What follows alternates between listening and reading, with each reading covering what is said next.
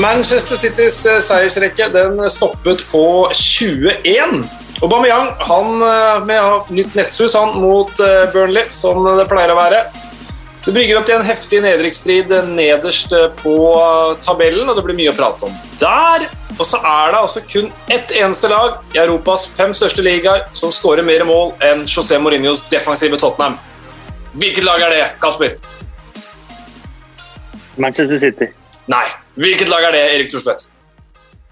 Det er sannsynligvis eh, eh, Lans. ja, det kunne vært Lens eller Lille eller Nancy, men det er altså Bayern München. Eneste laget som skårer mer mål enn Tottenham, det er Bayern München. Da vet dere det. Men hvilken tidsperiode var det du snakket om nå igjen? Denne sesongen. I alle turneringer. Å oh, ja. Ok. Ja. 100 mål har Tottenham skåra nå. Det er ikke så verst. Nei, det er ikke så verst. Det lønner seg å spille Europaligaen. Ja, det gjør det. det, gjør det. Uh, da har alle skjønt, de som lytter, i hvert fall, at vi har med oss Kasper og vi har med Torstvedt. Typ Erik. Du må jo ta med fornavnet, for det er flere av dere. Ja, jeg tenkte det var sånn, ok, Fornavn på Kasper, litt sånn mer formelt på meg. Hva betyr det? Hva skal jeg lese inni dette? her? Ja, hva, hva, leser du i det? Hva, hvordan tolker du det, Erik? Nei, Jeg, jeg driver fortsatt og tolker den at det, eh, vi skal snakke om nedrykksstriden eh, nederst på tabellen. Jeg tenker at Dritshow er et nedrykksstrid litt lenger oppe, for en gangs skyld. Det er så kjedelig at det alltid er nederst. Ja, men den kryper seg oppover nå, da. Men det er jo det vi skal. Vi skal jo ikke snakke om nedrykksstriden nederst på tabellen, for nederst på tabellen så er det jo kjørt. Vi skal ja. jo litt lenger opp. Ja, du kryper, ja, du kryper seg oppover nå.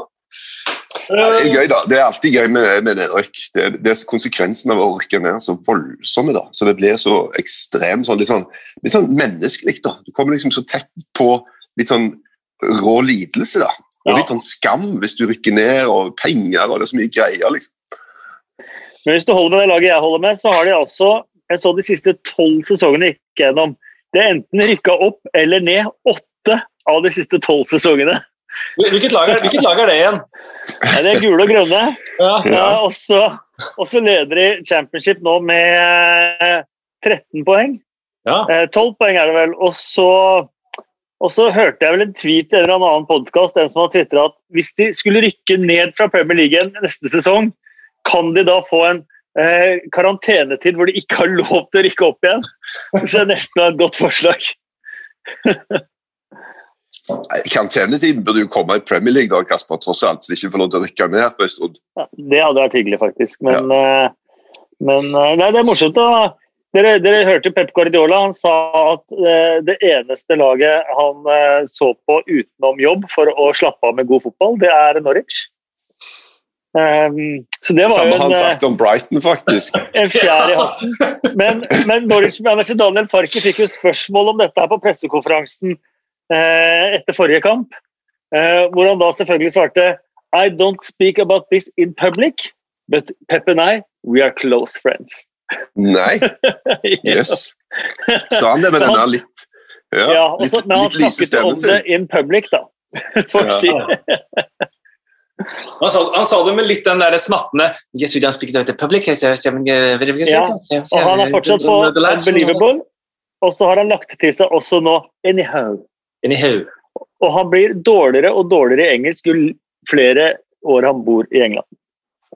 Det var Daniel Farke og Norwich der, altså. Vi skal uh, høre vi fra um, vår mann i Manchester. Jeg har tatt en prat med Per Atle Karlsen, som var til stede på både Manchester Derby og på Turf Moor, hvor uh, Arsenal var på besøk. Per Atle, Manchester Derby i uh, går. Hva er hovedinntrykket ditt etter å ha vært til stede på Etiad? Nei, Det er en opptur for uh, Ole Gunnar Solskjær og Manchester United. I hvert fall det er det ingen tvil om. Etter tre strake 0-0-kamper og, og, i tillegg den historikken de har hatt mot antatt uh, topp seks-motstand uh, denne sesongen. Så å komme til Etiad og levere den kampen de gjør, det, det, det tror jeg var, var, godt for han og, godt for United. Og så tror jeg Manchester City på sin side fikk seg en liten sånn oppvekker som, som sa at vi må være på 100% stasjon hver eneste kamp. Hvis ikke så så kan selv den eh, uslåelige seiersmaskina der tape, tape fotballkamper. Så, så, det var nok eh, to lag som eh, fikk seg en liten åpenbaring på hver sin, hver sin, måte i går, men en, en veldig artig, interessant kamp, kamp, å være på. Interessant å også se etter kampen så hadde jo Pep Guardiola og Ole Gunnar Solskjær en lang lang prat utafor mix-zone. Og, og det, ja, det var litt eh, det var interessant å, å, se på det og høre med Solskjær etterpå hva de, eh, hva de prata om. Så ja, Det var en, eh, en, fin opplevelse. Litt sånn småkaldt, men det må man alltid regne med når man er på fotballkamp i England. Ja, Det blir en digresjon med småkaldt, men du skulle ha deg litt, litt, litt, litt å varme deg på i pausen. Det gikk ikke helt som planlagt, skjønte jeg? Nei, det gjorde ikke. Jeg skulle tenkte jeg skulle inn og ta meg en, en, kopp kakao i pausen. her. Jeg er jo fortsatt for ung for kaffe, så jeg gikk for kakao. Så fikk, fikk jeg utdelt en, en kakaokopp der og har på meg, har meg hansker, for det er jo litt, litt, kaldt. og Så tar jeg imot den koppen. og så Når jeg går, da, bestemmer jeg meg selvfølgelig for det sjakktrekket å holde den koppen i lokket. Og det gikk jo ca. I, i, to sekunder, og så lå jo den koppen på bakken. Og det var masse journalister, pressefolk og, og delegater sånn, i den eh, kaffekua der. Så jeg sto der som en litt sånn forvirra vegglus og visste ikke hva jeg skulle gjøre. Skal jeg tørke opp, eller skal jeg, hva skal jeg gjøre? For da så kom det heldigvis um, en kvinnelig vert bort til meg som, som, tok godt vare på meg og sa at jeg skulle gå og hente meg en ny kakaokopp, så skulle hun, hun fikse det. Så det var, det var mitt lille øyeblikk på, på Etiad i går. Men brukte hun da uh, når jeg bodde i England, så husker jeg veldig mange gamle damer de sa sånn der, It's all right, pet. Så brukte hun ordet pet? Nei, hun sa dare. Okay, ja. det, var, det var kjære, så nesten det samme. Ja, nesten det samme. Du, jeg hørte du snakka med Zinchenko også. Var ikke så bekymra, men kalte det en wake-up call. Du var litt inne på det, men det er interessant at det kommer fra City-campen selv. da. Ja, de, han, han, sa jo det at de, de var ikke på stasjonen fra, fra start av. Fryktelig treg, treg, fra starten. Han visste egentlig ikke hva det var, men han tenkte jo kanskje at kanskje er det fordi vi har vært så gode i det siste at man tror at det, at det går litt av seg sjøl. Men uh, så sa han jo videre at uh, nettopp derfor så trodde han det var viktig med en, en liten sånn wake-up call som viser at de må være 100% på stasjonen. hver hver eneste kamp. Hvis ikke så, hvis ikke så blir det tøft. Men han, han, fortsatt, han, følte seg fortsatt trygg på at de skulle, skulle klare å, å, dra det her i land. Men da, det som krevdes da, det er jo 100% fokus hver eneste gang. Nå har de 11 poengs eh, luke ned til Manchester United. 10, ti kamper igjen, så det skal vel holde hardt om noen skal klare å, å, å ta dem igjen. Men, men, som han sa, det er sikkert uansett et viktig å få en sånn få en liten sånn wake-up-call. at De har jo vært eh, helt umenneskelige i det siste, så det er jo nesten ikke rart heller at de, at de får en sånn, eh, sånn iblant. Mm. Og så var det, Du snakka om at Solskjær og Guardiola snakka om etterkampen. Fikk du noe med deg den krangelen som var under kampen? Da, ja, ja, så de eh, krangla under kampen. Jeg tror det var Solskjær som var, var litt misfornøyd med, med Pep og, og, hvordan han prøvde å påvirke dommerne eller fjerdedommer og, og sånne ting. Sto ofte og prata med dem. Også. Men det som, litt, det som, er litt, artig med Solskjær, da, han, han, ordner alltid opp etter sånne krangler. for Jeg skjedde en del ganger at han hadde sånne disputter med noen managere. Eh, så går, det, så går han tilbake i sin egen teknisk sone, og så går det liksom ja, det går en to-tre to, sekunder med armene i kors, der, og så er han borte fjerdedommer og spør om han kan gå over til den andre tekniske sonen. Og så var han over til Pep Guardiola, altså liksom ut med, ut med knyttneven. og så som var lagt bak. Altså, han er veldig, veldig fin sånn Solskjær. Han ordner, alltid opp etter, etter sånne krangler. Alltid den første som tar initiativ til det. Så, men det virka som, eh, også etter kampen så virka som de var, var gode venner. De, hadde, de sto vel i ja, fem-ti minutter og, og prata og holdt rundt hverandre og, og i det hele tatt uh, etter, etter, kampen. Og, og Solskjær han, han, sa jo det sjøl, og jeg, spurte jo om, om det der. Han, sa vel ikke alt de prata om, men han sa jo bare at uh, Pep er jo selvfølgelig en mann man har enorm respekt for alt han har gjort og, mm. og fått til både, både, i England, men også ellers i, i, i fotball-Europa. så så jeg tror, det, jeg tror, det, er god stemning mellom dem. Men jeg tror nok eh, Pep også kjenner litt på at uh, faen, han, han nordmannen her har, har, ganske godt tak på meg, egentlig. og så var det, du, var, du var jo på tur på lørdag òg, på Turf Moor. Ja. Uh, nydelig utsikt, skjønte jeg. Ja, vet du, Turf Moor er en av de stadionene jeg liker aller best å være på, spesielt i hvert fall når det er godt vær. Nå har jeg vært der tre ganger, og to av dem så har det vært relativt fint vær. Det var det også i helga. og da er det sånn at vi vi som er i pressen, og vi sitter på The James Hargreaves Stand, som er den ene langsida på motsatt side av trenerbenkene. Eh, da sitter vi såpass høyt at utsikten strekker seg over eh, stadion på, eller tribunen på motsatt side. Eh, og bak der så ser det bare ut som et postkort og masse engelske naturfjell og sånne gamle engelske bygninger. Så, så, der kan man rett og slett sitte og, sitte og drømme seg bort litt hvis det, er, hvis det er kjedelig på banen. Og det, og det, kan jo være innimellom når man ser Burnley-kamper at det ja, går litt trått noen gang, så da er det fint å ha det, ha det postkortet i bakgrunnen. Selv om det her var en veldig, veldig artig kamp, egentlig. da. Ja, hva var uh, altså, Tenk å snakke noe spesifikt om Martin Ødegaard, men uh, du har jo oversikten. så du noe, Nå sier jeg at du ikke trenger å snakke om det, så spør jeg om det. Så, men, uh, men du, får, du, får, et helt annet bilde enn det, det TV-seerne får. Altså, hvordan, var, hvordan, så Arsenal ut i denne kampen? Det ble jo et skuffende 1-1-resultat for dem. Og, ja, det er to spørsmål i ett, Arsenal og Martin. Ja, Vi kan starte med Martin. da, for det, det, som er interessant er å se litt eh, hvordan det ser ut som han har kommet inn i en gruppe. for eh, Jeg står jo nede på indre bane der gjennom hele oppvarminga deres, eh, nesten. Og fra han, han kommer inn på, til oppvarming og underveis, hvordan han på en måte Du ser at han tar plass. da, han, eh, og at han, eh, han, delegerer litt, han, han eh, snakker med lagkompisene, han, han flirer. Du ser liksom at han, Det ser ut som han har funnet seg veldig godt til rette i gruppa, og det ser også ut som han har mye selvtillit. og så, så gjør han jo mye Det som har vært storyen med Martin Ødegaard så langt, egentlig, i hvert fall i, i mine øyne, er at han på en måte, han gjør seg bort på noe, noe som helst måte. Han gjør, gjør, mye bra, og så mangler kanskje det lille, lille ekstra da, som kanskje Arsenal-fansen sitter og håper på i, i form av, av skåringer og assist, selvfølgelig.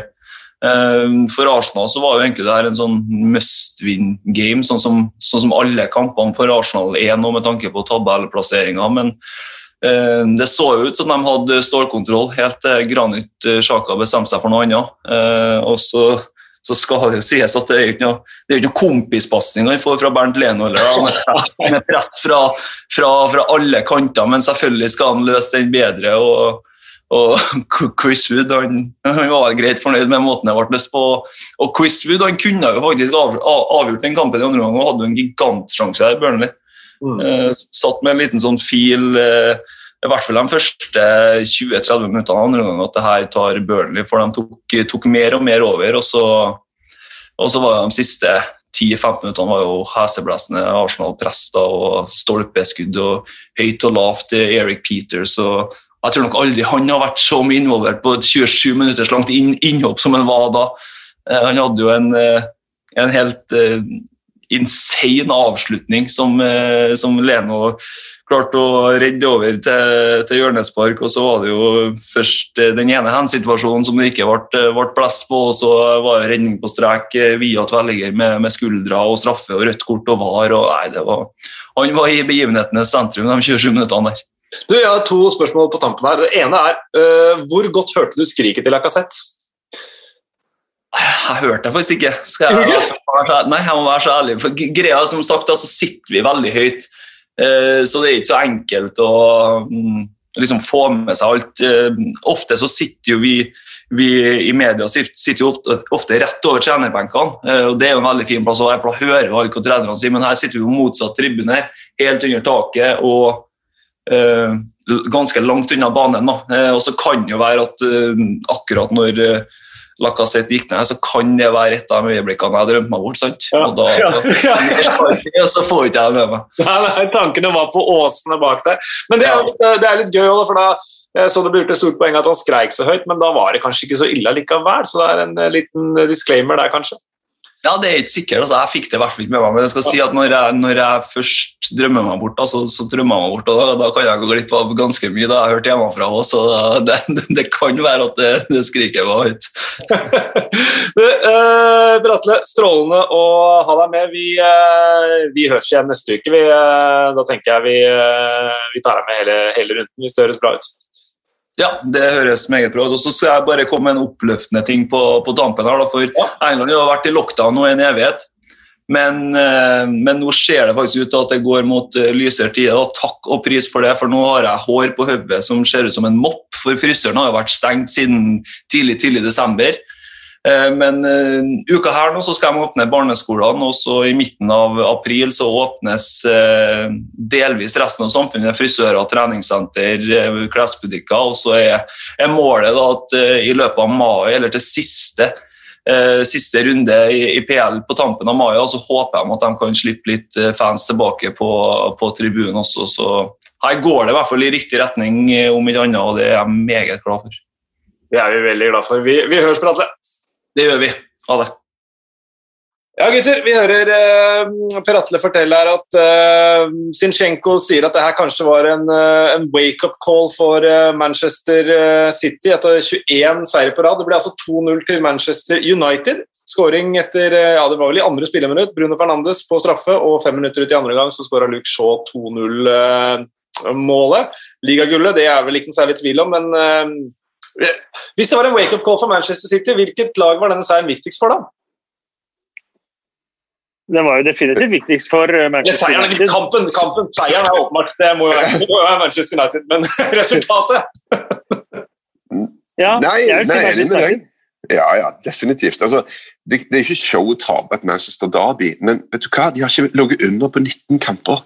Og Det er et eller annet med mentaliteten at du må av og til få røynt deg bitte litt. da, sant? Og Det er mye bedre at de går på en sånn greie nå, enn når det begynner å tette seg til ute i april og mai og du kanskje skal spille Champions League kvartfinaler og semifinaler osv. Du trenger å få Noen sier du, liksom, du, du, du lærer aldri noe av å tape, men, men, kanskje gjør du det. Kanskje trenger du en sånn, bare for å liksom, få trent de litt til å faktisk eh, ikke bare cruise av gårde, sånn som de ofte gjør. da. Men det var det bekymringsfulle med denne kampen for Manchester City, syns, syns jeg. for at nå kommer jo akkurat Champions League, og det er det som definitivt henger høyest for Pep Guardiola og Manchester City. Det er det de, de mangler der. Og dette var liksom tilbake til, det, til den utgaven av Manchester City som har drevet og, blitt, uh, og tapt de avgjørende kampene da, i Champions League og andre steder. Det virka som de hadde De slapp ikke inn mål, de skåra nok mål, de kontrollerte kamper. De har gjort alle de tingene der uh, som har gjort at ok, nå er de også kanskje favoritter til Champions League. Og så plutselig kommer de tilbake til den derre uh, en, en, litt rådvill Kevin De Brøne og, og, og, de tingene som på en måte har kjennetegnet Manchester City de gangene de har sviktet. da, Som, at, som jeg kanskje ikke trodde at eh, de fortsatt hadde i seg helt. Så det, det vil, jeg nesten påstå at det er et sånn bekymringsfullt svakhetstegn fra Manchester City som jeg ikke helt hadde sett for meg skulle skje.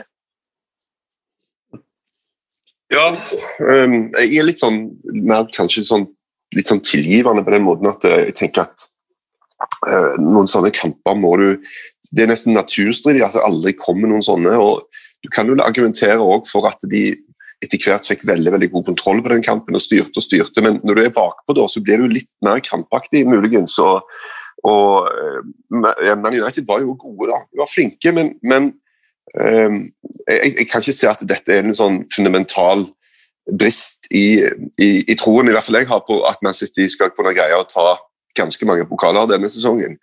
Eh, men at de kanskje trengte denne her matchen, det, det tror jeg.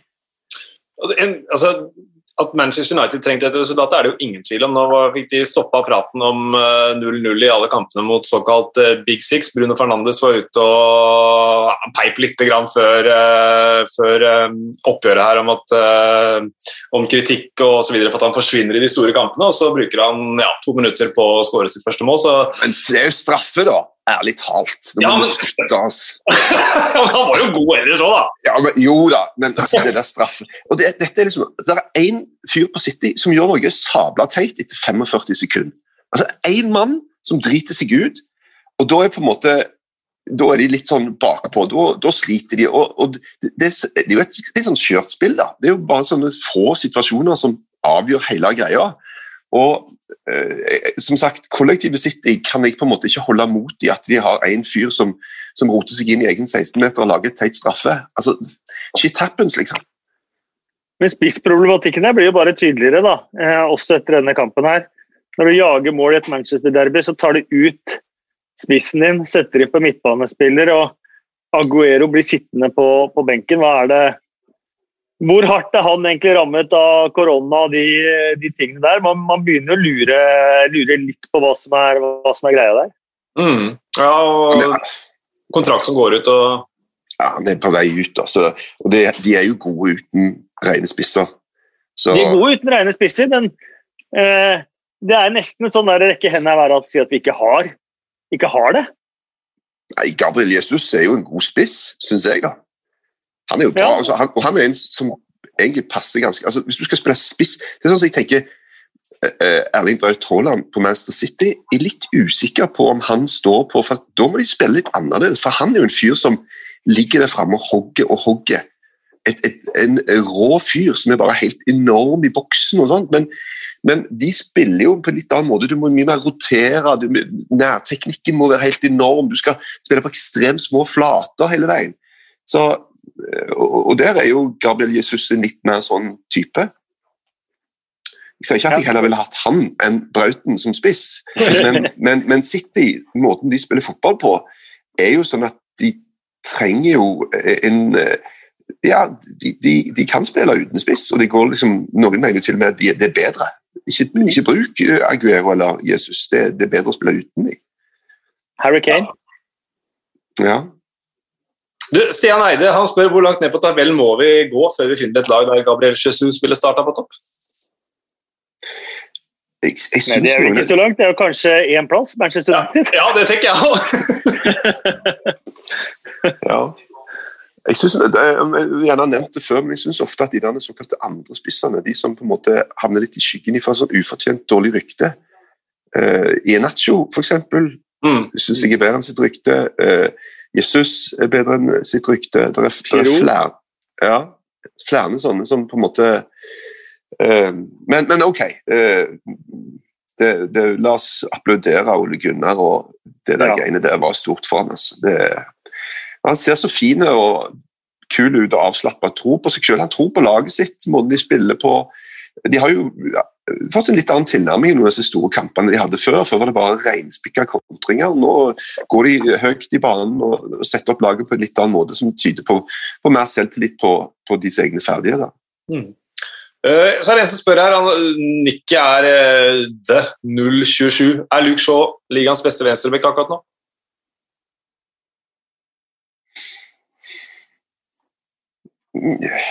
Over til you, Kasper. Nei, jeg må jeg tenke, men det at i det hele tatt at vi eh, må tenke, er jo en kjempefjær i hatten for, eh, for Luke Shaw. Dette, dette, er jo Han er på mange måter også et bilde på eh, det forrige regimet og dette regimet i, i Manchester United, og, og ulikheten i person, eh, personligheten til Mourinho og Solskjær. og Det tror jeg Solskjær har prøvd å fremheve gjennom eh, Luke Shaw også. for han Eh, litt, eh, litt, tidligere i sesongen så, så, la han ikke skjul på at hans tilnærming til Shaw er tvert motsatt av den Mourinho hadde. Og Han sa jo også at det Luke Shaw trenger, det er jo en arm rundt eh, skulderen, gode ord og, å bygge opp selvtilliten og, eh, og vite at, at, han er viktig for, for, meg og viktig for oss. Eh, og Det er grunnen til Luke Shaws store store oppblomstring. For han var jo hakkekyllingen til, til José Mourinho, og det Eh, etter et, en fryktelig skade som han fikk i Champions League under van Gaal, og han hadde en veldig tung vei eh, tilbake. og Han var en, ikke bare en eh, hakkekylling for Mourinho, men også for engelsk presse. Eh, som la ut eh, veldig lite flatterende bilder av han på ferie og, og sånt noe. Så det har helt sikkert vært vanskelig for, for Luke Shaw. Og det er igjen da må man bare gi kreditt til Ole Gunnar Solskjær og trenerapparatet for, for den for det Luke Shaw har gjort. og du, Man skal ikke glemme hvor stort talent og hvor ekstremt ettertraktet han faktisk var som tenåring i, i Southampton. Eh, så at han får ut mye av det potensialet sitt, eh, sitt nå, er jo kjempegøy. Eh, det er litt sånn Man føler jo nesten at det skjer noe godt i verden hver gang han scorer.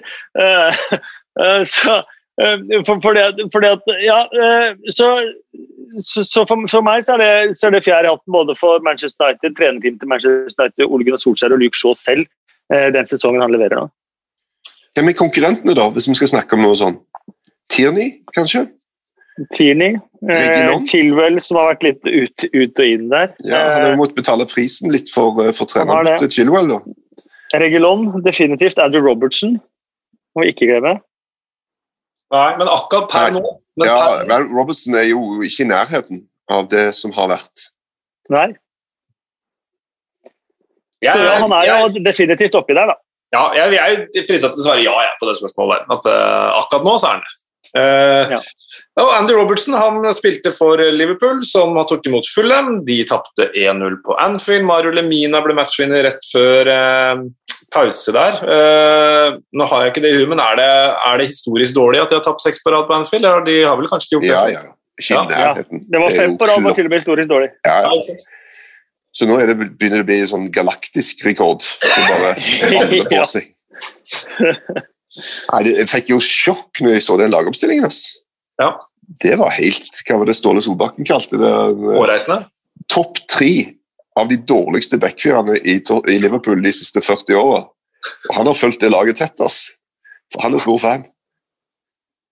For nå er jo Kabak skada også, Erne, og Ben ja. Davies som de henta, er skada. Så da var det tilbake til Phillips og Williams i, i midtforsvaret. Eh, men altså eh, Fikk et spørsmål her eh, eller Det ble snakka om det i studio på TV 2 etter kampen. altså begynte å bli spekulasjoner om framtida til Klopp. Det skal vel mye til, men som Ståle Solbakken var inne på, det er, sånn er businessen. på en måte, at hvis det, blir, hvis det går den veien her videre nå, dårlig start på neste sesong. Steven Gerrard som vant ligagullet med Rangers osv. Har Klopp noen grunn til å frykte for jobben?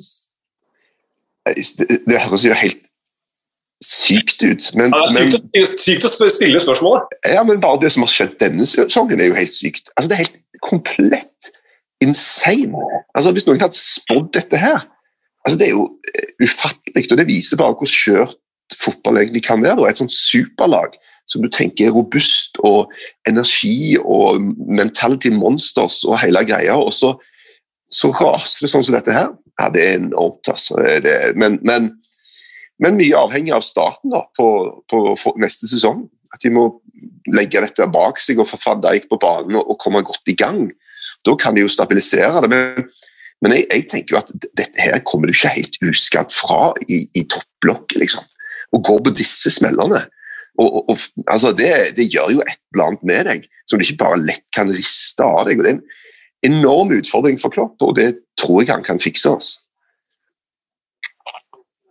Ja, helt, eh, helt enig. Men så, så er liksom, hvis du ser laget de, de slenger ut her, eh, her, også, det har vi vært inne på her før også, Reece Williams f.eks. Han spilte i Kidderminster forrige sesong. altså. Eh, mm. Det, er, det er ikke conference engang, det er Conference South. Altså, vi snakker sjette nivå. Eh, vi snakker eh, godt under eliteserienivå. Så, det, eh, så at man skal forvente at han skal komme i et Liverpool-lag, og så skal, skal Liverpool være, være, gode, og, at han, man på en måte skal sette noe på han. Ja, for meg så blir det helt urealistisk. Så ja. Kan du bare ta et spørsmål som, eh, som jeg kan gi, uh, gi et fasitsvar på? faktisk. Da. Øystein Sommerfelt Lysne han spør er de de dårligste regjerende mesterne i nyere tid. Eh, svaret på det er nok nei. det er ikke så lenge siden Chelsea var dårlig. Nei, og dårlig. Leicester var dårligere enn det òg. Mm. Men i poengfall så er de, jo, er de jo nære der. Men det kommer mye av hvor mange poeng de hadde forrige sesong. For de hadde jo langt ja. flere poeng som ligamestere enn hva Chelsea og Leicester hadde de to sesongene. Ja, så, så spørs hvordan du ser på det, men sånn totalt sett så er de nok uh, ikke det. Uh, men la oss uh, la Liverpool være Liverpool nå, hvis ikke dere har noe mer på hjertet. For det er jo, det er jo på sin plass å hylle Fulham òg, da. Første nyopprykka laget som vinner på Anfield på godt over ti år. Holdt nullen i fem av de siste syv kampene. Nå, de, nå er de altså A-poeng med Fulham. Det har ingen som hadde trodd for en måned siden, i hvert fall ikke jeg. Fulham har poeng med Fulham, det kan jo ikke stemme. Brighton. Brighton. Ja. ja, ja. Uh, ja. ja de har poeng med Fulham òg, fordi de har jo ja. nei, nei, det er helt uh, Og Jeg tror det var Jamie Carriger som sa det i begynnelsen av sesongen. Jeg har aldri vært mer overbevist om noen ting som helst i hele mitt liv enn at Fulham kommer til å rykke ned. Mm. Uh, og de, har, de, er much improved, altså, men de, vel, de starta vel med syv leiesoldater i går, gjorde de ikke det? Syv av elleve, tror jeg, i hvert fall en hel haug. Så de har jo gjort en jobb i overgangsmarkedet der som er veldig bra, men det er jo ikke noe som er veldig bærekraftig å, å basere seg på den type spillere. da. Altså, de, de står ja, men er ikke det, Når du har opsjoner og sånn, så er det jo akkurat ja. det det er. Er det ikke det? Jo, hvis de har det, da. Og øh, de kan hente dem, men det er jo ikke sikkert de kan. Uh, hvis de presterer bra på Fulham, så er det plutselig andre klubber også som står klare til å være med og, og kjempe om det. Men, men uansett så, så, så, er det et eller annet med Ja, det, det, de, er, de, er, klart bedre enn de to lagene som er bak seg, i hvert fall, syns jeg. Så er det noen som skal greie seg, så er det, er det Fulham, og nå har vi jo tetta den luka, da. Mm. Så det er ikke umulig. Og da er det Brighton og, og, og først og fremst Newcastle som må, må skjelve. Men det, det, med apropos det lånespillerne, Joakim Andersen har jo gjort en fantastisk figur der.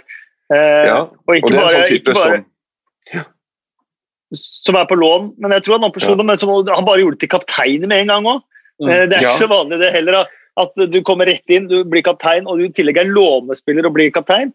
Eh, men han har jo virkelig tatt på seg det armbåndet og, og levert eh, kapteins innsats i nesten hver eneste kamp, syns jeg. Men han er jo sånn type ja. spiller da, som, som hvis, i og med at han har gjort det så sabla bra, da, så er det godt mulig at andre melder seg på. Sant? Men jeg tror det er en opsjon som gjør at ikke andre kan melde seg på på han. Ja. Jo, jo, men hvis han da bare sier nei, jeg vil ikke til Fulham, hva skal de gjøre da? Ja, ja nei, da må du bli her, da. Uh, så det går jo ikke. nei. Nei, det var, godt poeng. Jeg vet ikke hvordan alle sånne ting fungerer. Neste vi skal bli agent. Ja. Men parallellen, altså, Den parallellen har ikke jeg trukket først selv, så eller annet, jeg vet kan ikke gi kreditt til, for jeg husker ikke hvem jeg så sa, skrev eller sa det. Men uh, Toby Aldevarell så spilte en sesong i Southampton på lån fra Atletico, så ble han var mm. og så ble han hentet til Tottenham. Det, det virker jo altså, Joakim Andersen det er kjempeoverraskende, for han så ikke bra ut det jeg så av Lyon i fjor, men han var veldig god i Sampdoria. Så, og da, Der var han også sånn pasningsspiller som han har blitt mer enn nå. Da. Eh, så han har gjort en, eh, en fantastisk eh, jobb. og ja, det blir et great escape hvis de, uh, hvis de klarer det. Uh, Men det er jo helt sjukt, for jeg hadde både, Det er ikke mer enn to uker siden den podkasten jeg fortsatt var helt på å avskrive Fulheim. Ja. Uh, men nå skal, jeg, nå skal, jeg, ta meg i det og si at det er kamp om uh, nedrykk, uh, faktisk. Sheffield United og West Bromwich er fortsatt helt avskrevet herfra. men bare Den siste som vant på Anfield, det var jo Sam Allardyce. Før denne enorme rekka på, på, på flere år uten tap. Og så Den første som vant igjen, var Sean Dyche. Og så var det Graham Potter. Og i går var det Scott Parker. Det er liksom Det er britene som kommer. Ja, Britten og, og, og, Thomas. Godeste Thomas. Ja, Guardiola, Angelotti ja. og Thomas Tuchel er liksom glam-navnene inni der, da. det var et selektivt utvalg, ja. altså. Okay. Ja, det var det. ja, den, den, er fin. Uh, I uh, ja, i, sier jeg. I Burnley. Ja, det er jo i Burnley på Turf Moor. Uh, Burnley-Arsenal 1-1. Aubameyang og Chris Wood med skåringene. Din uh, din kamp på lørdag, det, Kasper, det var en, det var en morsom fotballkamp? Det ble en overraskende morsom uh, fotballkamp, uh, rett og slett. Så det er bare å takke alle, alle involverte uh, for akkurat det. Uh, Keepertabbe av Nick Pope, det er ikke så ofte du ser. enda større tabbe av Granit Xhaka, som ga fra et mål til Chris Wood som han nesten aldri har sett. Og så var det en god porsjon var der, der også. Så får vi si at så tar den situasjonen som var faktisk grep inn i, da, med Erik Peters eh, som reddet med, med, med, skulderen, og så ble dømt straffe og rødt kort. Eh, så, så, var dette sånn, en av de kjempeblunderne fra dommerne som, som, man hadde tidligere, som man håpet at VAR skulle eliminere. Eh, så det var jo godt å se, da. Eh, men hvis man snakker om at VAR gjør ting mer rettferdig, så, eh, så var det enda et skudd i baugen for det, da, i og med at Erik Peters tidligere i omgangen lagde et soleklart straffe på, på Hens som, som, ikke ble dømt for.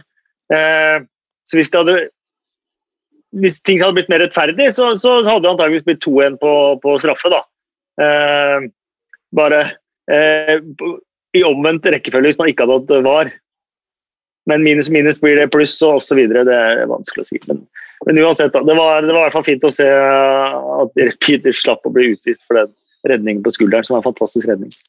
Men, men, de vurderer jo den andre situasjonen òg, Kasper, og kommer jo fram til at det er, ingen, at det er sannsynligvis kort avstand. og Vi ser jo kanskje at det er i ferd med å endres litt nå. Det var jo, eh, Kanté hadde jo en lignende situasjon mot, uh, mot Liverpool. Uh, så, og jeg er veldig for det. da.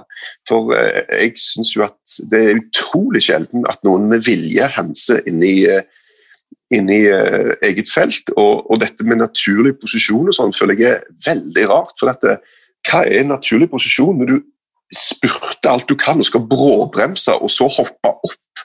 Altså, kroppen beveger seg, armene beveger seg. Det er helt naturlig at de gjør det. da. Så, men vi beklager å gå inn i den diskusjonen. Jeg trekker alt tilbake, setter et punktum, så går vi videre. ja, men ja, vi skal sette punktum, og så uh, er det alltid en innskutt uh, setning eller noe etterpå. Begge, begge, begge managerne var klare på at de skulle ha straffespark. Sean Dyche, det er Straffesituasjonen med Vidra det får være én ting, men han er, jo, han er jo seg selv lik etterpå. Når han sier at ja, vi er det laget som får færre straffespark hvert eneste år, og det er kanskje høres litt rart ut, men hvis vi skriker og stuper litt mer, så kanskje vi får det. Jeg vet ikke. Uh, ja, han henviste jo litt også til Lacassette der, og det, det irriterer ja. meg, det skriket til Lacassette også som Eh, så kommentator for Man har jo kommentert i løpet av eh, en god del år noen fæle, fæle episoder. Både karriereendende skader har man kommentert, man har kommentert veldig mye vonde opplevelser. og sånt nå, og så Når man får høre det primalskrikene som kommer fra Lacassette, så fikk jeg, jeg fikk ordentlig vondt i magen og, og, og, og, begynte å tenke er det liksom noe karriereendende? Er det et brekt legg? Er det et eller annet sånn jeg kommenterer her nå? Hva er det som skjer? Og så tar det to sekunder, og så reiser han seg opp, og så, og så er han klar mm. til å, til å, gå på dødballen der. Det, det, med, med forbehold om at det faktisk var så vondt, så syns ikke jeg det er helt greit. Altså. Nei, nei, altså det er klart vi må ha respekt for at folk har ulik smerteterskel. Men eh, jeg tror vi nå trygt kan slå fast Kasper, at din er litt høyere enn Lacassette. det, Eh, jeg har alltid blitt mobba hele mitt liv for at jeg har veldig lav smerteterskel, men siste halvåret har jeg vært gjennom så mye smerter nå at nå kan jeg, nå, nå kan jeg slå rett tilbake.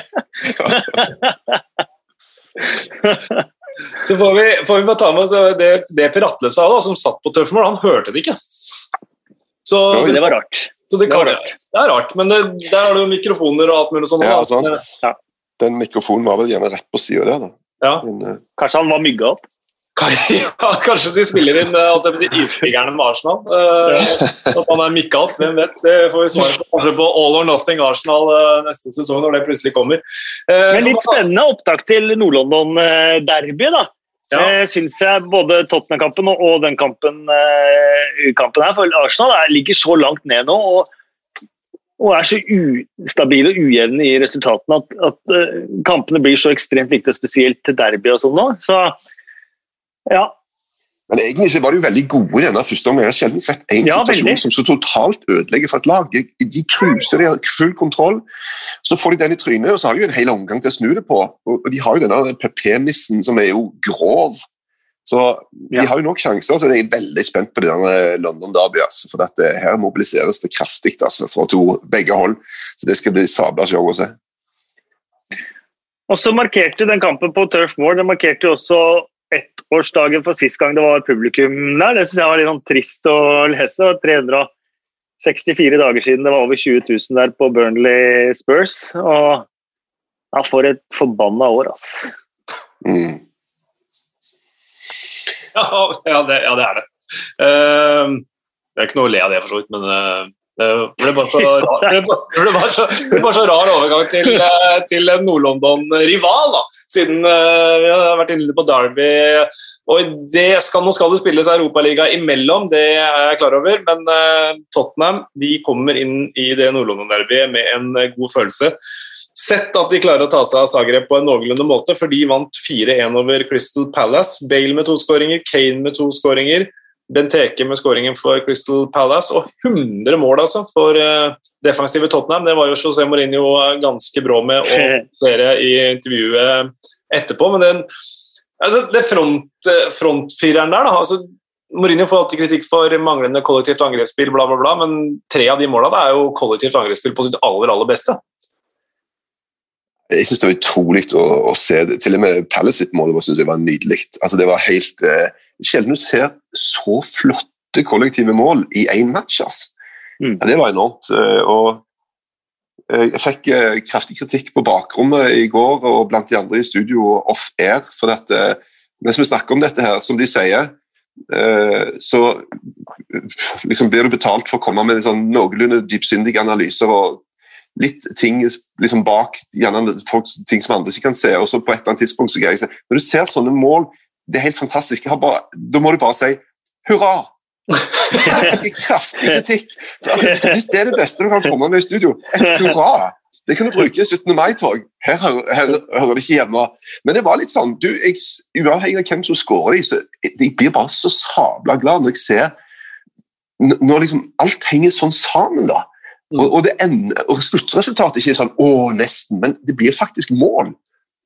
Nei, det var, var enormt, rett og slett. Og eh, Mourinho, var det Mourinho sa? Han var glad for at de slapp inn det målet rett før pause. Ja. Ja, men Det er litt sånn, eh, det skjønner man jo, skjønner man jo godt. Jeg har hørt det fra flere managere i siste. Det virker som det er litt sånn i, i, eh, i vinden nå. At, at, man sier at ja, det var bra vi slapp inn den, det var bra vi gjorde den tabben der, for da vekker vi gutta. og Da jeg, kunne jeg ikke bare gi ros, eller da kunne bla, bla, bla. Eh, og det var jo ingen tvil at Crystal Palace på slutten av første gangen begynte liksom å å, å, spise seg inn i kampen. og Kanskje, kanskje begynte Tottenham-spilleren å senke skulderen litt, for de hadde god kontroll. Og sånt, og så kommer utligningen. Det er klart at eh, Da har i hvert fall Mourinho noe veldig konkret å ta tak i i, i pausepraten sin, som han sikkert er fornøyd med. Og så, og så, er det lett å si det etterpå når man skårer et par kjappe ut av blokkene etter pause. da. Det hadde mm. kanskje vært eh, annerledes eh, følelse etter kampen når man slapp inn det målet om man har tapt 1-2 der til slutt. Ja for, ja, for, den kampen her kom jo vi, den, Da var jo en midtukerunde der også litt, litt, amputert, men ganske mange kamper. Og den kampen mot Fulham viste jo nettopp det. Altså de, da var de hardt pressa i, i, mm. hele andre omgang. Eh, og Det har jo vært et problem for Tottenham, men ikke i denne matchen. Et problem for Crystal Palace er jo at de ikke får så mange avslutninger. Eh, og i denne kampen her så var det vel et problem at de ikke spilte mot Brighton, for de skåra på det eneste skuddet de hadde på mål. Mot Brighton så skåra de jo på de to touchene de hadde innafor 16. Så mm. apropos bærekraftig, så, så, må jo Palace gjøre noe med det. men på tabellsituasjonen så ser det jo foreløpig ganske trygt ut med åtte poeng ned til, uh, til streken. Um, og så er det men, bare Ja. Roy Hodgson, er vi enige om at han eh, er på siste sesongen i Crystal Palace?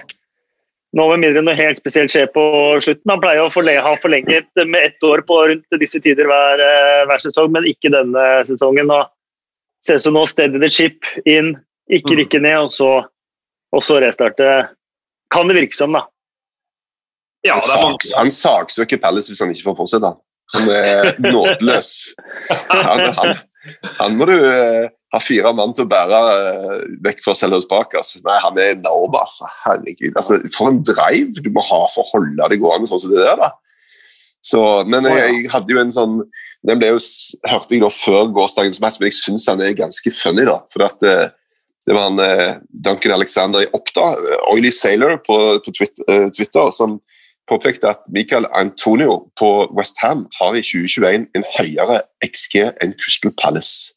Og Antonio har tross alt vært skada ganske mye i 2021, så det er ganske sykt. altså. Da du, produserer du ikke mye, men de har jo fått veldig mye ut av lite, da. så det de, skal de ha. Det skal de ha. Uh, Kane og Son de har fått veldig mye ut av mye. Nå har de uh, kombinert for 14 mål, og det er uh, Om det ikke er en rekord gjennom tidene, så er det iallfall det første på veldig lenge som gjør det. 17 og Shearer hadde 13 tilbake da Blackburn vant i ligaen. Men man telte ikke målgivende før, det spørs man kan mm. si gjennom tiden her. Det er nettopp det jeg skulle til å si. Jeg måtte både dobbeltsjekke med deg, Kasper, for jeg vet at du brenner for dette. det er ikke sikkert de var oppe på Lineker Gass eller Nei. Eller Fleck Rosario, men, eh, men eh, Eller Crook Bowen. Men, eh, men, da telte man ikke målgivende, altså. Nei, jeg gjorde ikke det. Så det er Hvor mange målgivende hadde du i karrieren, Erik? Det er lett å telle.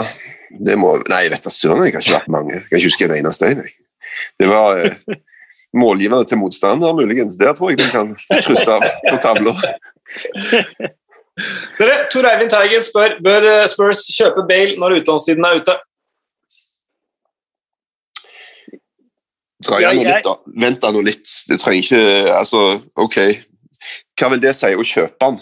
Eh, går ikke kontrakten hans ut nå, eller? Hvordan er det? Hvor lang kontrakt har han? Får de han ikke gratis til sommeren, da? Nei, jeg tror han har ett år til. Ja, ett år til. Tror jeg. Nå, det er bare, jeg vet ikke hvorfor jeg, jeg bare sier det fordi jeg tror det. Jeg, jeg, Men jeg tror ikke Real Madrid skal ha veldig mye penger for den. Det er vel de andre tingene som koster mer penger med, med Gareth Bale. Men jeg sa det vel, er det var her sist, at at med Bale så har han vist de siste sesongene, uansett hva han har prestert i Real Madrid, og hvor lite eller mye han har spilt i Real Madrid, de gangene han har følt for å levere. For for Wales. Mm. Og Det har vært litt av problemet i, i Tottenham i, i, starten, at han kanskje ikke har hatt den helt samme driven. Øh, men øh, etter en konflikt der, med, eller konflikt og konflikt, etter noe ble slått opp og sånn med Mourinho, og etter det så har, det på en måte, så har han på en måte blomstrende, og, og, og, ser ut, han ser ut igjen som en spiller som har noe å bevise. da.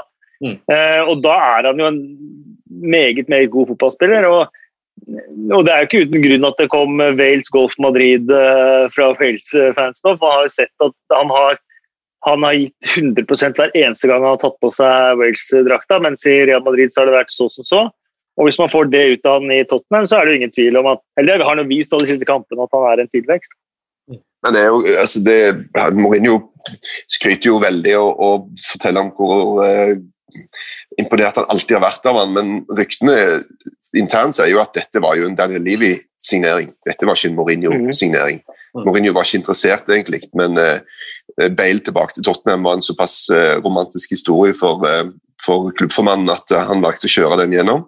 Og Sånn er det nok oftere enn en folk tror. Det er ikke alltid at manageren bestemmer eh, egentlig over sånne ting i en klubb. Altså Spillerlogistikk tenker jeg at en klubb egentlig skal ha et, et litt sånn større bilde på og eh, Det blir for flyktig og, og tilfeldig hvis en, en, eh, manager skal få lov til å bestemme absolutt alt i forhold til hvem som skal komme inn og hvem som skal komme ut. og Alder på tropp osv. En er nødt til å tenke langsiktig. En er nødt til å langsomt fase noen ut og hente noen nye inn.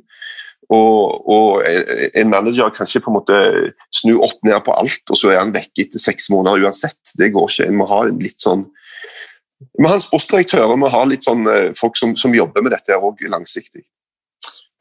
Tottenham har da to poeng opp til eh, Chelsea på eh, fjerdeplassen med like mange kamper spilt, så det lever i all høyeste grad der. Det lever på, i topp fire og i bunn også. Derfor så rekte vi blikket mot uh, Amex Stadium, lørdagens kveldskamp Brighton-Leicester 1-2. Brighton skåret etter ti minutter med sitt første skudd på mål. Bare det var jo helt ellevilt. Adam Lalana som fikk uh, muligheten på topp. Men Kelechi Nacho i det 62. minutt og Amartey i det 87. sørger for at Leicester eh, snudde det, så Brighton har begge beina planta i gjørma, mens uh, Leicester imponerer, syns iallfall jeg, voldsomt med de skadeproblemene de har, uten å sutre. Ligger på tredjeplass. Uh, du nevnte Nacho i stad, Uh, Erik, når, når, du kommenterer alene, så blir man alltid sittende og svare på sitt eget resonnement. Uh, nå skal jeg stjele rampelyset sjøl her. Uh, og jeg, begynte, jeg, jeg, tok meg sjøl etter den skåringa til Inacho det Er vi vitne til det som endelig er Inachos gjennombrudd? Eller er det for tidlig å si etter to nydelige mål? Fordi Vi har ikke snakka om skåringa hans på Turf Moor. Fy flate, altså.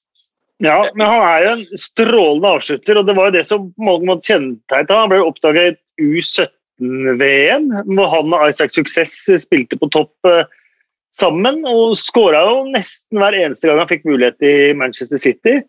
Eh, men der var det ikke plass til han. Og så, og så er jo hans største problem i Leicester er jo at han ikke er Jamie Vardy. på en måte, At han, at han har veldig ulike kvaliteter fra Jamie Vardy, så det gjør noe med måten Leicester skal spille på, om de har brukt han eller, eller Vardy. Men at han er en eh, sylskarp avslutter, det syns jeg på mange måter han har vist egentlig helt siden han kom til, eh, til England. Ja, jeg er òg fan av han, må jeg innrømme. Um, og det, det, det, det, blir jo litt tydeligere da når Jamie Vardy går gjennom en uh, tørkeperiode. Når ting ikke funker for han, så er det lettere for andre òg å uh, skinne litt. Um, men, uh, men Leicester har jeg jo spådd skal møte veggen nå i serieinnspurten. Mm. Og holder fortsatt den muligheten uh, åpen, men det de gjorde nå, det var sterkt. Det må jeg innrømme. For at uh, å skåre seiersmålet i de 87. er jo òg en, uh, en, klassisk ny kniv i hjertet på Brighton, da. men imponerende av, av Leicester. Ja, de er ingen som skårer mer faktisk på tampen av kampene enn Leicester. Det er ingen som vinner mer bortekamper, og det er bare Manchester City som har vunnet flere fotballkamper enn Leicester i Premier League denne sesongen. Så så det går godt for eh, Rogers, men Brighton men, der eh, ja. ja. men bare på Leicester så er innspurten spennende når Erik sier det han sier. da, for at uh, Nå kommer det inn en periode hvor de, hvor de, har en del kamper som man kan tenke at uh, her bør må de vinne. Sheffield United hjemme, West Bromwich hjemme, Palace hjemme, Southampton borte, Newcastle hjemme. Men så avslutter de altså med Manchester United borte, Chelsea borte og Tottenham hjemme i de tre siste kampene. Eh, og de skal helst ha avgjort litt mer før de tre kampene enn det de hadde forrige sesong, da det Champions League eh, røyk på, mm. på slutten. Men de har, de har, altså alle tiders mulighet nå eh, de neste ukene til å skaffe seg et fantastisk utgangspunkt og, og nesten være tenk at de er klar for topp fire før de tre siste kampene. Mm så er det, det skadeproblematikken. altså De får antageligvis Madison, Pratt, uh, Perez, kanskje John Evans også tilbake om ikke så altfor lenge. Det kommer jo et uh, landslagsopphold her også nå. Um, for Brighton sin uh, Ja, ta med det. Amartey scoring. Uh, han er fra Ghana. Han skåra på Ghanas uavhengighetsdag. Så det var jo passe timing for uh, godeste Daniel. Mm. Kjempetabbe av Sanchez, forresten. Det, det var nok tungt. Men, men ja, er det mye å si om Brighton. da. Potter sa at eh, de gjorde litt for mange feil mot et eh, godt fotballag, som gjorde at de eh, tapte den kampen. Jeg syns det er forfriskende at, de, ja, forfriskende at de ikke taper sykt ufortjent, for en gangs skyld. i hvert fall. Ja, helt enig. men, men, kan man kalle det sykt ufortjent? Hvis man ser på hva de har av spisser Jahambaks, Welbeck, eh, Mopé, McAllister, eh, Trossard Det er ikke det er jo ikke spillere som, som, som hauger inn mål.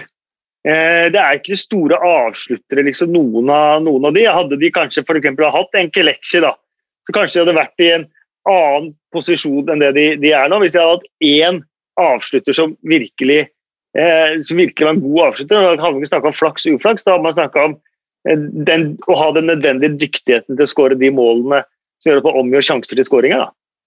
Ja, men, men, eh, det er jo så grovt da, at det er jo mange ting som ligger oppi den potten der i forhold til hva, hva årsaken er. og det er klart at De uh, kikker jo på, som alle andre, på Ollie Watkins for Brentford. Altså, han var en, en spiss som veldig mange ville ha, men Brighton har ikke råd til han. Altså, Den pakken er så svær da, at Brighton er jo en bitte liten klubb, og der eieren har pøst inn hundrevis av millioner av egne penger for å få de opp på det nivået der de er nå. da. Og, og da er jo eh, må vi jo, altså, De har jo også vært dyktige på overgangsmarkedet, eh, Tarek Lamptey osv. Men jeg er helt enig.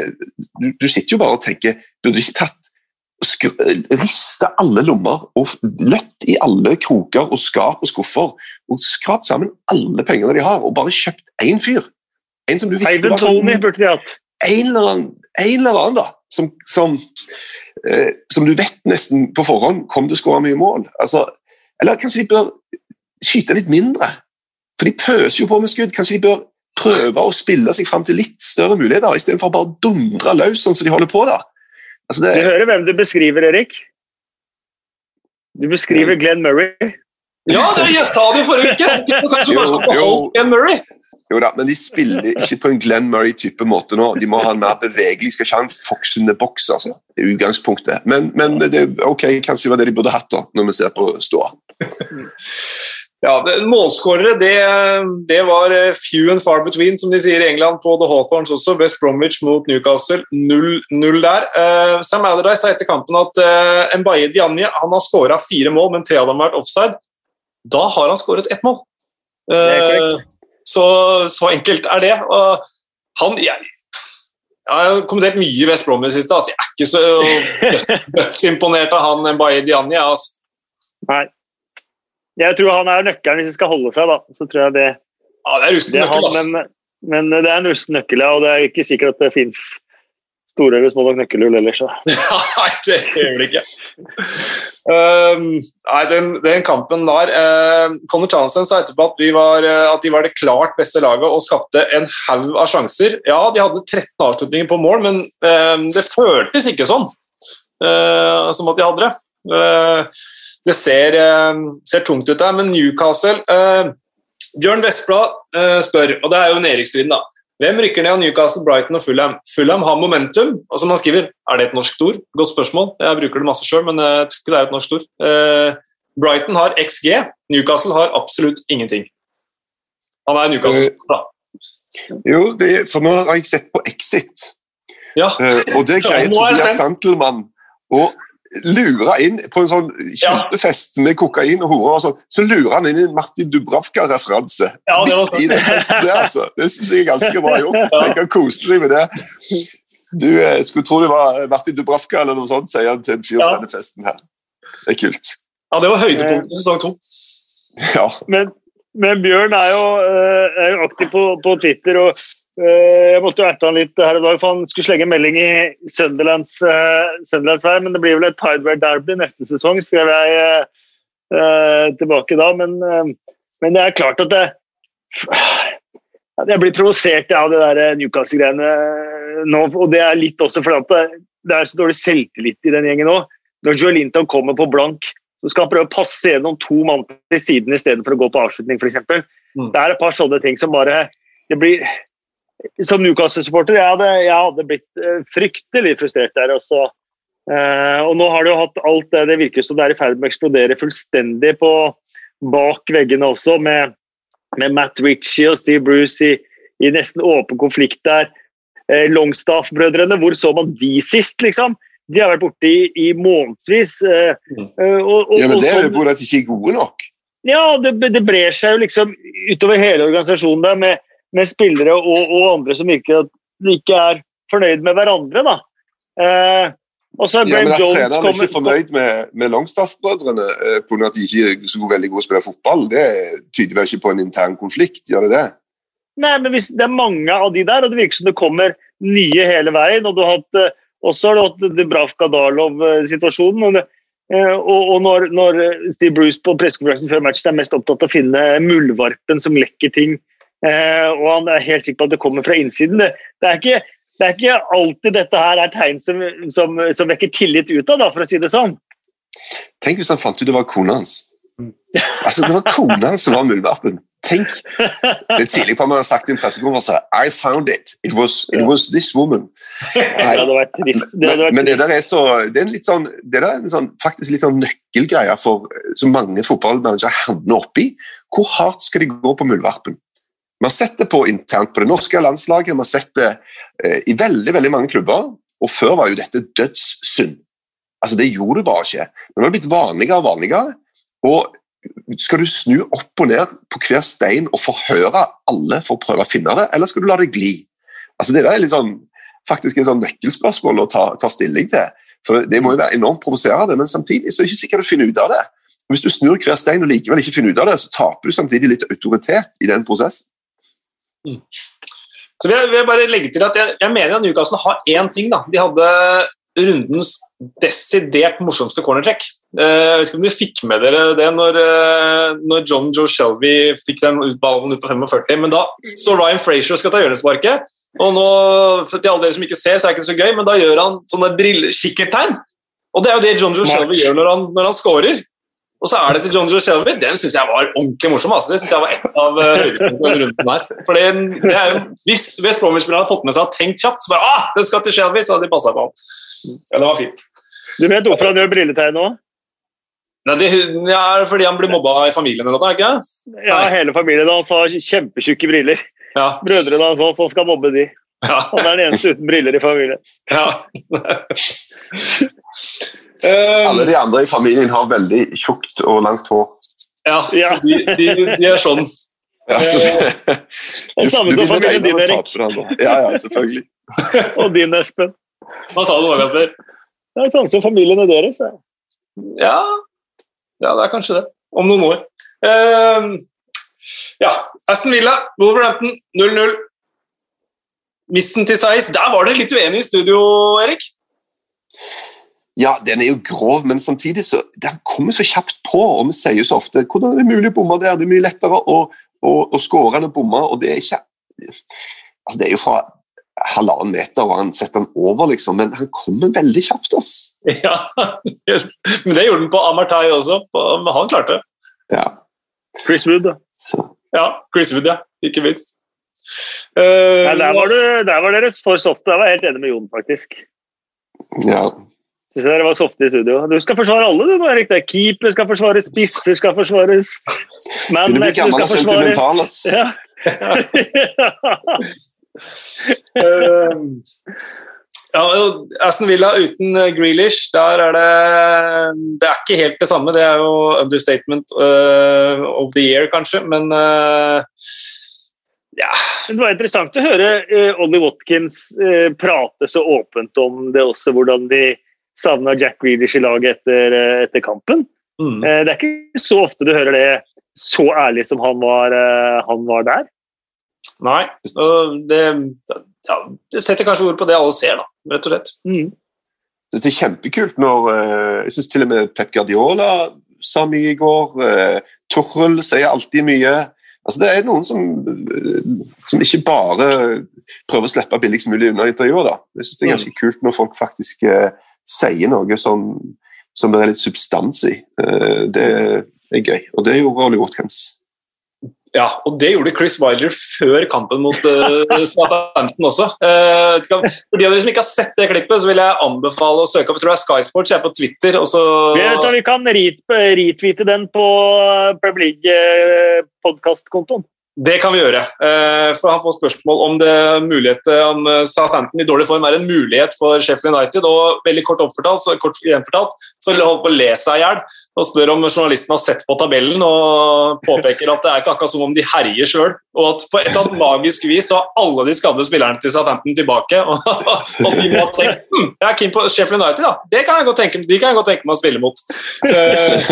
Uh, så, og det gikk jo som det måtte gå, det. Southampton vant 2-0. James Ward-Prowse eh, på straffe og Che Adams med en kanonkule. Uh, etter kampen så var ikke Wyler så like godt humør. Da kasta han vel egentlig en del av spillerne under bussen uten å nevne navn. Sa at her er det flere som ikke er gode nok, og osv. En sterk kontrast til på en måte det han har sagt tidligere, hvor, eh, hvor det har vært snakk om å, å, gå ned med flagget til topps, at det her var en sånn kamp hvor de viste at de ikke gjør det, men at de må, må, må opp på, på, hesten igjen. Da. Det var ikke noe spørsmål der, så jeg skjønner at dere er stille. Ja, nei, det er bare De er fortapt. De, de går ikke an at de, de, henter inn. De må ha tipper jeg 22 poeng da, på de siste ti kampene.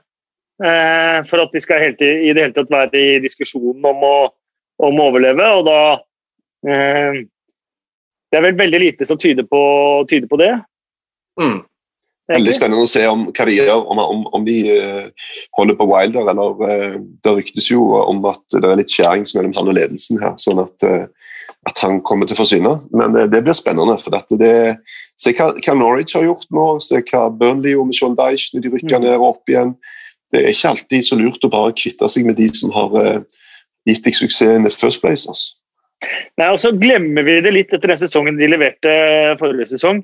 Eh, men den, den eh, gjengen med spillere som er samla Nå har de riktignok de siste overgangsvideoene kjøpt litt ut uh, over det, men uh, alt fra Ende Stevens, uh, Egan, O'Connell, Baldock etc., etc., Lundstram, Fleck, alle sammen.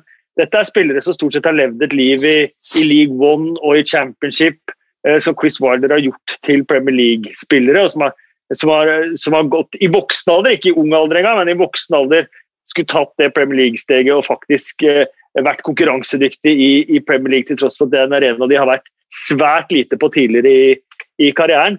Mm. Eh, så Hvis man skal se eh, spiller for spiller og styrkeforholdet med, med, resten av ligaen, så er det ikke unaturlig egentlig at de, de ligger der de er. Det som er unaturlig, er at de har eh, herja League One, eh, rykka opp fra Championship og så gjort det så bra i Premier League, det er det unaturlige med tanke på, på veldig mange av de spillerne de er. Mm. Southampton, eh, hva vi da? De vant sin eh, første kamp etter sju strake uten, så det var eh, særs kjærkomment. Og hvis jeg titter kjapt på tabellen, så hadde det faktisk ganske mye å si også. Det er 33 poeng. Det, det går kanskje en grense mellom dem og Burnley. Eh, Burnley har 30, fire ned til Fulham. så fryktelig viktig for Southampton å vinne fotballkamp igjen. Ehm, ja, vi tar eh, tide med noen faste spalter, skal vi si det? Det var moro å se på. Morata var kjempegod. Hva i all verden? Han snakka ikke om seg sjæl, han snakka om dommeren. Okidok. Da var det de velkjente, da. Kaktus. Det er alltid, uh, må alltid starte med det. Jeg må ikke alltid, men i dag starter vi opp med det mest smertelige. Noen uh, forslag til uh, kaktuser her, da? Jeg syns det var vanskelig denne gangen, jeg. Mm. Men eh, Granit Xhaka er jo sånn kanskje sånn naturlig, men samtidig litt urettferdig også. Jeg syns det er litt urettferdig. Jeg synes jo, jeg, jeg, jeg, vi snakka litt om det før vi starta. Jeg syns ikke Bernt Leno setter han i noen hyggelig situasjon. Er det ikke så uhyggelig situasjon? Nei, alt han trenger å gjøre, er å trille den ballen tilbake til Leno, så sparker han langt. Altså, det, er, det er et enkelt valg, det. Altså. Og de spiller på små marginer hele veien. Altså, Chelsea borte mot Liverpool, hvor kalde de var bak eget forsvar, men de der, på så små marginer Det er sånn du sitter av og til og tenker jøss, i all verden skal de spille sånn? Så Men tilbake til ondskapen, eh, kaktusen. Jeg er enig med Kasper her, altså. Det er ikke så lett å grave fram noe. Nei. Så da ender vi på Gradisjaka, da. Nei, da har du et, du må jo ha et, en kandidat, sikkert. Du har jo tenkt på et eller annet. Jeg? Ja. Ja, ja øh, jeg, jeg, si, jeg, gir meg ikke helt på den Gradisjaka, det skal jeg gjøre. Uh, men uh, jeg er egentlig West Bromwich, ja, som sier at de angriper masse, men jeg syns ikke de angriper. Jeg syns uh, syns de er feige helt fram til det er igjen åtte minutter hjemme mot Newcastle på 0-0. Det er sikkert kanskje jeg får noen Adrian-fans på, på, nakken, men jeg hadde forventa mye mer av, av dem. Jeg vet ikke. Det er kanskje syltynn kaktus, det òg, da. Ja, kan vi gi han til Liverpool, som taper sin sjette hjemmekamp på rad? da? Hvis de skal ned den veien. De trenger det jo, liksom. Det er jo fordi sparke, De sparker noen som ligger nede, for det nesten. Ja. Ja. Nei, for Inter Sjaka, da. Han, han, har jo aldri ligget nede før. um, øyeblikka. Det må jo være straffen til uh, enten Granit Chaka men han har jo både kvittert litt, eller når, når, bare Manchester Derby starter med uh, Gabriel Jesus som kakker uh, Martial på hælen der. Ja, det er jo en kickstart på et oppgjør. Det syns jeg i hvert fall var et enormt øyeblikk. Jeg tenker, men, men liksom Hvor betydningsfullt var det egentlig? City vinner, Man United blir topp fire. Uh, selvfølgelig stort uh, med et Manchester Derby. Men altså, rent nøkternt så kan til og med 2-1-målet til Leicester mot Brighton være et større øyeblikk, liksom. Det, for det kan være helt avgjørende i forhold til at Leicester faktisk greier dette. Det vet vi jo ikke, men, eh, men Nei, vi har jo hypa den City United-matchen ganske kraftig, og den var kul òg, syns jeg. Ja. Så jeg kan godt ta det øyeblikket der. Ja, Det er redningen til Areola. Ja. Ja. Den, den er, der snakker vi om, I England så snakker vi ofte om strong arms, Erik. Eh, mm. Dubranka hadde ikke strong arms for en uke siden. Det der var strong arm altså, fra Areola. Ja. Man, eh, og Det er ikke bare det, det er til og med innlegget, og det er skuddet. Altså, det er så ja. mange ting som er kult her. Og så denne litt sånn rare greia der du ligger eh, Han flyter jo bare i verdensrommet mens han mm. gjør denne redningen der. Så nei, det var sabla kult. Jeg driver og samler på de beste redningene i Premier League eh, denne sesongen på en liten uh, greie på mobilen der jeg skriver opp. Så skal jeg lage en sånn kul greie på slutten av sesongen. Da skal dere få se mye gode redninger. Altså. Ja, har du den til Emi Martinez på Conor Cody der, eller? Den, eh, nei, den må, den ja, må jeg skrive opp. Den, den, den definitivt, ja. Den ja. så jeg jo, så den må jeg skrive opp. Jeg tenkte jo på deg, Erik, da Nick Pope slapp inn, uh, slapp inn den han gjorde. Lettest arms og spagettiarmer og, ja, ja. og det som var. var uttrykk, Men jeg tenker såpass respekt får vi ha for aktørene der at vi ikke begynner å dra fram sånne uttrykk underveis. Blomsta. Ole Gunnar Solskjær? Tror Pige skal gi det til Scott Parker, jeg, altså. Som har henta laget sitt opp fra de døde. Drar til Anfield og vinner og har nå en fair sjanse for å greie seg. Det er eh, også i tillegg når du stiller med en sånn jakke det Jeg tenkte akkurat på jakka! da, fra å være kjempefin i tøyet og den stiligste manageren, til å få sånn selvtillit at du utvider liksom horisonten med den jakka oppå det igjen.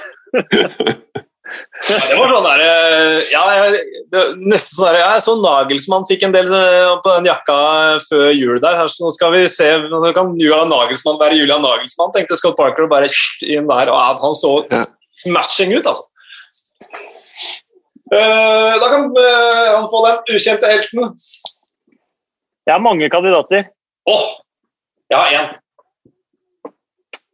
Har du en, Erik? Mm, jeg har to. Uh, det, det, er dere to som er med meg på podkasten. Bare for å bygge litt sånn gode vibes her. Ja. siden jeg har én, så kan jeg begynne med den ene. Siden du har mange, Kasper, så får vi se hva vi ender med. Nathan Tella, Southampton. Mm. Han var god, han. Kjempesabla god, ass. Ganske ukjent. Ja, virkelig. Okay, det, det er kanskje en bedre kandidat enn noen av de tre har. Eh, Callum Chambers starta sin første Premier League-kamp for Arsenal eh, siden før jul 2019. Mm. Og syns han leverte bunnsolid på høyrebekken. og er helt tydelig at han hadde et fokus på å gjøre ting enkelt, men sånn utover løpet av de 90 minuttene var mer og mer med framover. Satte mer og mer sitt preg på, på matchen. og Det var tydelig at Burnley også hadde litt fokus på det i starten, og så prøvde å spille mye ut på Arsenals høyreside for å se hva Chambers var god for nå. og Jeg syns han klarte seg utmerket. Mm. Eh, og så har du en annen høyrebekk, Arud Van Bissaka, som nå har spilt fire kamper på Etiad og vunnet samtlige fire. Det er ikke verst. Seiersmaskin, han der Van Bissaka, altså. Ja. Eh, men så har du også en liten en, eh, artig en, og det er Leo Shiri Østegard. Som nå topper Coventry, som nå topper Bad Boys-statistikkene i Championship. Det er ikke verst! Nei, det, det, skal du jobbe hardt, altså. Ni gule og ett rødt kort! Seriøst? Ja, det ser wow. helt knallbra, altså. Men har dere, sett, han, der, er sånn... har, har dere sett Leo uh, spille, da? Ja, ja, ja. ja, ja. Altså, han er jo altså, Han er altså så rå i lufta, den fyren der. altså. Altså, han er helt han er enorm. Han er jo ikke så svær, vet du, men han har en spenst som er helt abnorm. Så det er kult å se han når han knuser disse store karene i lufta. Apropos det, så er det liksom, han spiller for Coventry. Eh, kult lag under en av mine store. Han skåra sikkert en del på deg. Mark Robins. Eh, fantastisk eh, spiss som har, som har, fått en enorm status i Coventry. De spiller i Birmingham på St. Andrews, og de taper jo knapt. Har de mm. tapt fire, fire kamper på St. Andrews på, på, på et par sesonger der. Eh, og de har fått beskjed om at nå får de flytte tilbake til Rico Arena i, Coventry, men på en tiårsavtale eh, fra neste sesong. Den går sannsynligvis gjennom. så det, er, det spiller jo som bare det for Coventry, som også har spilt seg ja, De er, eh, er seks poeng, sju poeng over nedrykksstreken også, så eh, hele Coventry-historien nå, den, den, koser jeg meg med nå, med Leo Skir Østegard der også. Men ukjente heltene, hva lander vi på? Men jeg, hæ? Jeg syns ditt forslag var best. Ja, ok. Ja, men da blir det da. Uten det, da. Du har kontroll på Bill Edgar, du, Kasper. Arsenals syv siste. Aldri skjedd. Første gang siden er den sjette spilleren. Fun factsene til Bill Edgar. Å oh, ja, Bill Edgar! um, Statistikkmannen i The Times, som kom med sine betraktninger i uh, bilaget The Game hver uh, mandag. Vi får sitere han litt her. Jeg synes ikke det er ikke så mye expected wow for eh, Mr. Torstvedt uh, denne gangen, men vi kan jo gå gjennom noe av det han skriver på, på siden sin. Eh, basert på Liverpools hjemmestatistikk under Klopp, der de hadde fire tap på 100 kamper, så skulle enhver eh, hjemmekamp eh, ut ifra det stå til 24 i odds ved tap. Seks strake tap ville i så fall gi en odds på drøyt 244 millioner. Wow! Eller 244 000. Jeg vet ikke hvor jeg har satt det komma. Hæ?! Høyt, i hvert fall. Kødder du? Det var et veldig langt tall der. Jeg kan lese opp tallet han hadde. ja. Statistisk sentralbyrå vil gjerne ha ansette deg, eh, Kasper. Nei, men Du vet hvordan de skriver i England. Der skriver de tre tall, komma, tre tall, komma, tre tall. Og da blir det 244 millioner. For det er ikke noe punktum med det. Ut, det altså. Hæ? Det tror jeg. Jeg tror det høres sannsynlig ut. Ja, ok. Da er vi med på det. Jeg syns bare det tallet hørtes så abnormt mye ut. Liverpool, eh, som eh, hvis du regner ut snitt per kamp poengsum, så ligger de nummer ni i Premier League, og de har ikke vært dårligere enn nummer åtte siden de rykka opp i 1962. Og det overraska meg litt, at de faktisk ja, ikke har vært dårligere enn nummer åtte siden 62. Ja. Eh, og de har ikke, bortsett fra straffespark, så har de altså ikke scora på hjemmebane på 11 timer og 48 minutter. Og på Bill Edgar-vis så tar han og regner ut de 11 timene og 48 minutter. Altså, du kan altså reise eh, med taxi fra London til Heathrow og fly til eierne i Boston på den uh, tiden de ikke har skåret mål, bortsett fra straffe på hjemmebane. Birmingham da er det eneste laget, i tillegg til Liverpool og de 92 lagene i ligaen, som har tapt seks strake kamper på hjemmebane denne sesongen. Manchester United er nå ubeseiret i 29 strake bortekamper i hjemlige turneringer. Den lengste rekken for et lag i øverste divisjon noensinne. Mm. Det får vi gi de litt kred for, syns jeg. Ja, virkelig. Eh, på, eh, dette her har vært en tendens eh, i Premier League med, uten publikum. Eh, det har gitt seg veldig utslag i derbyer, tydeligvis. Det har ikke vært en eneste hjemmeseier i løpet av 14 Midlands, Mercyside, Yorkshire eller Manchester-derbyer i Premier League denne sesongen. Oi. Null hjemmeseiere, fire uavgjort, ti borteseiere. Uh, Sheffield United har tangert Boltons uh, toppserierekord ved å ikke ha en eneste tokampers ubeseiret rekke engang i løpet av de første 28 ligakampene denne sesongen. Rekka vil også bli 29 i og med at de tapte denne helga. Så enhver kamp de ikke har tapt, har blitt fulgt opp med et tap så langt. Triste greier. Triste greier. Ikke to kamper ubeseiret engang. Altså. Tenk på det. Det er tungt. Det blir tungt. Det blir tungt. Blir tungt. Bare kamper i kveld, gutter. Chelsea, ja, Chelsea-Everton. Uh, ordentlig topp fire-fight, det. Chelsea nummer fire på tabellen, Everton nummer eh, fem. Innspill fra Espen Tangstad, som er eh, Chelsea-supporter. Chelsea har ikke tapt hjemme mot Everton på de siste 25 kampene i ligaen. Gjør det det i kveld? Jeg tviler på deg, altså. Men, mm. Tuchel må jo tape en match han òg på et eller annet tidspunkt, men jeg syns uh, var veldig imponert over Chelsea Banfield. Altså. Jeg syns jeg var kjempegode. Så um, god konkurranse i laget. Han er enormt med spillere å ta av. Uh, nei, jeg, jeg, tror Chelsea tar det ned. Men Everton vant matchen på Goodison, de to uh, imellom. Er det riktignok uh, ny manager og sånt. Og jeg syns, uansett hvordan det har vært mellom disse to, jeg har kommentert en del av de også, Chelsea-Everton, så, så har det på en måte aldri vært jeg kan ikke huske at Everton har vært sånn ordentlig in contention for å vinne noen av de kampene på, på Stafford Bridge eh, heller. Kanskje det mest tydelige var da de hadde kjøpt 100 tiere, David Clasen og Wayne Rooney mm. og alle sammen. Og den matchen på Stafford Bridge hvor bare, så viste det så tydelig at shit, dette her, dette funker ikke. Den kampen tror jeg Chelsea vant 2-0, og den står ordentlig sånn i minnet mitt. Mm. Um, men det er morsomt, da. Tuchel, Angelotti um, jeg håper på at vi kan få en skikkelig morsom kamp. Kanskje Joshua King blir matchvinner. Det hadde vært gøy. Jeg håper han får spille, da. Mm. Han Skårer Skåret to ja. kjappe på slutten. Snu eh, 1-0 til Chelsea, 2-1 for Everton. Ja, ja, for det, det, er litt, jeg ser litt sånn uh, med Joshua King at jeg har fått litt mindre tillit enn jeg hadde håpa og trodd, egentlig. Sterk konkurranse framme der, da. Jo da. Så så vet jeg ikke om eh, Nå, nå har du da både altså jeg mener da, Hvis ikke Cadward Lewin spiller spiss, så har du Charlison som kan spille spiss. Uh, så Jeg vet ikke om Joshua King mer kom inn som en, uh, som en kantspiller, da. Men uh, han var jo med å skaffe det frisparket, vel, gjorde han ikke det? Som gjorde at de utligna mm. på Old Trafford til 3-3 ja. på overtid. Så han er en bra sånn, Får mye frispark og transporterer ball bra framover. Så, men uh, om man, man, kommer til å få se mye sentralt der, det, det tviler jeg på. Og så har vi fått litt den effekten man ofte får med å hente uh, eller gjøre sånne signeringer. da.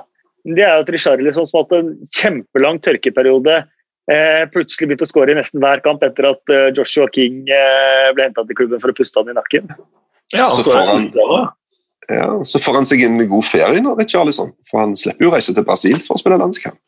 Ja. Han kan sitte i England han, og rehabilitere og få litt massasje. Og, så eh, det er jo faktisk ganske positivt for, eh, for disse klubbene som har søramerikanske spillere. Um, Leeds, søramerikansk manager, Bielsa, møter eh, Westham borte. Ole Morten Hobberstad spør hvor langt kan Bielsa ta Leeds. Har signalisert at han vil ta en sesong til. godt spørsmål. Jeg vet ikke hvor mye um, NNO har føler seg kallet til å svare på hva de tror Ranke tror Leeds kan gå med under Bielsa. Det er jo litt det samme som vi har sett i, i Sheffield United, uh, som var inne på. Spillerstallen der er jo en, en championship-spillerstall. Det, uh, det er jo mange spillere som har levd et liv i, i divisjonene under Premier League, eller også er det andre spillere som har prøvd seg i Premier League uten å lykkes uh, før nå. Og så har de fylt på med Rafinha og, og, og, og, andre spillere som og, lykkes godt med, med, det, men det er ingen tvil om at uh, Leeds har overprestert under Bielsa, og han har gjort en meget god jobb der. og at Det er også en massiv klubb som har muligheter til å bygge ut, utover det. da. Mm. Og Da kan du jo etablere seg og ha et potensial til å bli en eh, i hvert fall en øvre halvdel-klubb, om ikke i, i uoverskuelig framtid, tror jeg det er jo det som er positivt med Bielsa, at han ikke bare er opptatt av resultater, han, er opptatt av klubbbygging. Han er mm. opptatt av at fasilitetene skal være riktige. Av, så den som kommer inn, tar jo over noe som faktisk er, er ganske bra. Da. Problemet er jo kanskje at det er veldig vanskelig å Du, du må endre sannsynligvis spillestilen en god del. da. Det er ikke mange trenere som er Bielsa-trenere, selv om han skal være den mest innflytelsesrike treneren i verdenshistorien omtrent, påstås det jo. Så er det jo bare ingen andre som spiller sånn. Mm. Eh, veldig veldig få, i hvert fall. Men, eh, men eh, veldig gøy med Leeds. Spiller aldri uavgjort, så å si.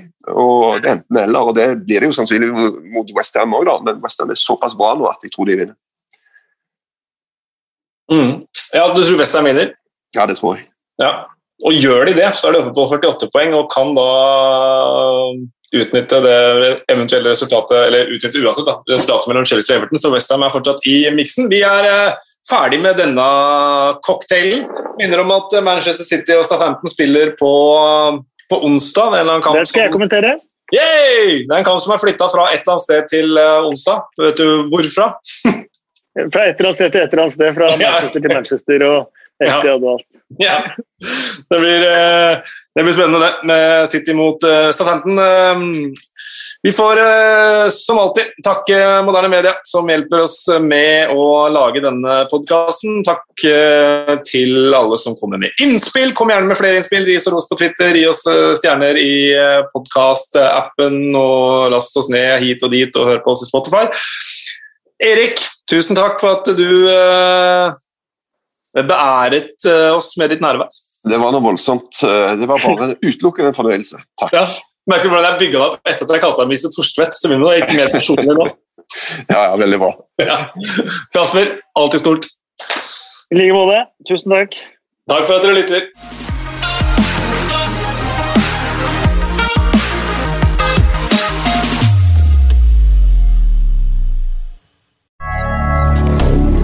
Moderne media.